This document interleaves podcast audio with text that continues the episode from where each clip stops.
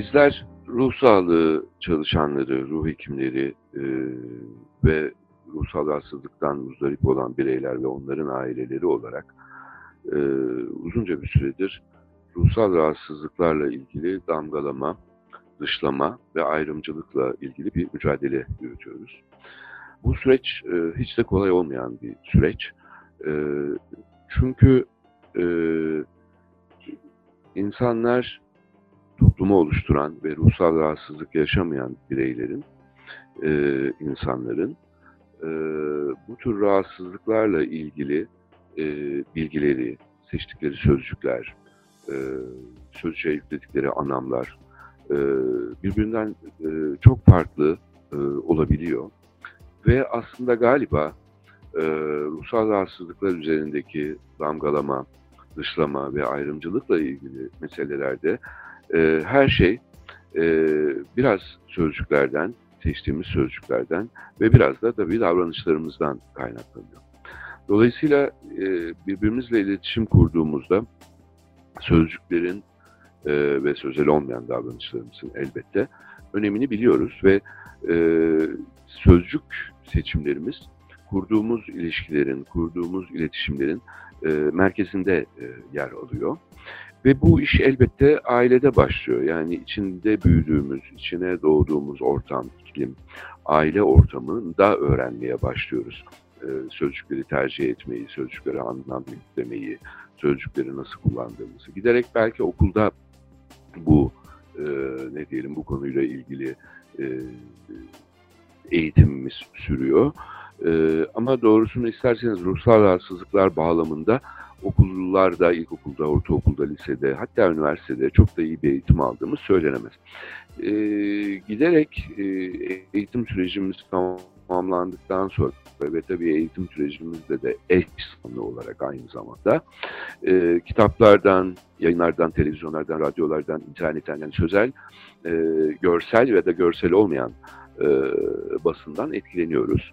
Ve e, düşündük ki bütün bu etkilenme süreçlerimizde, bütün bu eğitim sürecimizde aslında ruhsal rahatsızlıkları, e, ruhsal rahatsızlıklar, rahatsızlıkların isimlerini e, kullanırken e, çok da uygun e, bir e, tercihte bulunmuyoruz.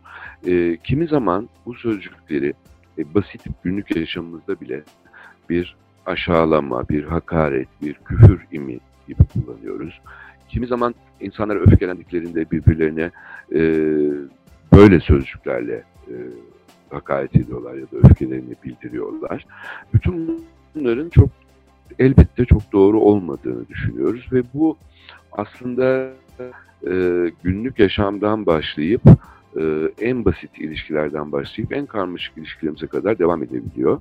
Ve dolayısıyla bizler şimdi e, aslında birbirimizle kurduğumuz ilişkilerde ruhsal rahatsızlıklardan, ruhsal hastalıklardan söz ederken kullandığımız sözcükleri biraz daha seçerek, biraz daha özen göstererek bu konuda daha bilgili olarak kullanmakla ilgili bir çağrı yapıyoruz aslında. Ve diyoruz ki e, birbirimizle kurduğumuz e, ilişkide e, birbirimize öfkelensek dahi kullanacağımız sözcüklerde bir hakaret, bir aşağılama, bir kötü im aracı olarak ruhsal hastalık sözcüğünü kullanmayalım. Ve bu nedenle de bu kampanyada öyle söyleme diyoruz. Öyle söyleme derken aslında bunu bir tür yalvarma, bir tür merhamet etme ve ne diyelim yukarıdan aşağıya inen bir hiyerarşi içinde de söylemeye çalışmıyoruz aslında. Savunduğumuz şey tüm insanların eşit yurttaşlık hakları. Yani ne demek bu? Ee, bizler ruhsal rahatsızlığı olanlar, olmayanlar, e, az rahatsızlığı olanlar, çok rahatsızlığı olanlar her neyse e, birbirimizle kurduğumuz e, ilişkilerde ruhsal hastalıklarla ilgili işte delilik gibi, akıl hastalığı gibi e, hatta biraz daha e, günlük dile gidelim manyak gibi, çatlak gibi, e, otistik gibi, şizofren gibi biz böyle sözcüklerin söylenmesini çok da tercih etmiyoruz. Şizofreni sözcüğü yerine şizofreni tanısı alan birey denebilir. şizofreni rahatsızlığı olan birey denebilir. Otistik tanısı yerine, otistik ifadesi yerine otizm tanısı almış birey sözcüğü kullanılır. Otizm tanısı konulmuş birey sözcüğü kullanılabilir. Dolayısıyla e, birbirimizle e, sohbet ederken, birbirimizle çatışırken, birbirimizle e, ilişki içindeyken e, bu kavramları e, yerli yerinde kullanmanın doğru olduğunu düşünüyoruz. Çünkü biliyoruz ki e, ruhsal rahatsızlıkların e, tedavisi önündeki en büyük engellerden bir tanesi insanların toplum içinde ruhsal rahatsızlık nedeniyle kabul edilmemeleri, ruhsal rahatsızlık nedeniyle dışlanmaları, kendilerini kötü hissetmeleri ve tedaviden kaçınmalarıdır. Yani eğer biz bir şekilde ruhsal rahatsızlıklarla ilgili e, terminolojimizi, ruhsal rahatsızlıklarla ilgili kullandığımız sözcükleri özensiz bir hale getirdiğimizde, yalan yanlış sözcükler kullandığımızda, o olur olmaz kullandığımızda e, aslında tanımadığımız insanlara zarar vermiş oluyoruz. Ve bu konuda aslında çağrımız elbette e, toplumun tümüne yani e, bir bir kahvehanede çalışan e, bir insandan bir diş hekiminin yanında çalışan bir insana e, oradan gazete çalışanlarına oradan plaza çalışanlarına aslında toplumun tümüne böyle bir çağrıda e, bulunmak istiyoruz.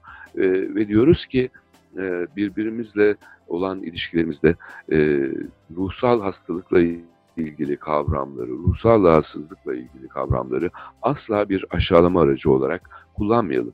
Bu konudaki bilgilerimizi gözden geçirelim, kendimizi yeniden eğitelim ve birbirimize e, birbirimizle olan e, diyaloglarımızda e, bu sözcüğü bir aşağılama, bir hakaret, bir kötülük imi olarak kullanmaktan vazgeçelim. Elbette bu konuda en önemli görevlerden bir tanesi de e, medyaya düşüyor aslında. Görsel ve görsel olmayan medyaya düşüyor. E, bugüne kadarki tanıklıklarımız e, çok ünlü köşe yazarlarının bile bu sözcükleri yerli yersiz kullandıkları, hatta kimi zaman politikacıların bu sözcükleri yerli yersiz kullandıkları ve e, yönünde ve tabii bu da toplumu oluşturan diğer bireyleri de olumsuz e, yani model olarak e, etkiliyor. O nedenle biz en kibar söylemle lütfen öyle söylemeyin, öyle demeyin diyoruz. Hepinize bu konuda göstereceğiniz katkı ve duyarlılık için şimdiden teşekkür ediyoruz.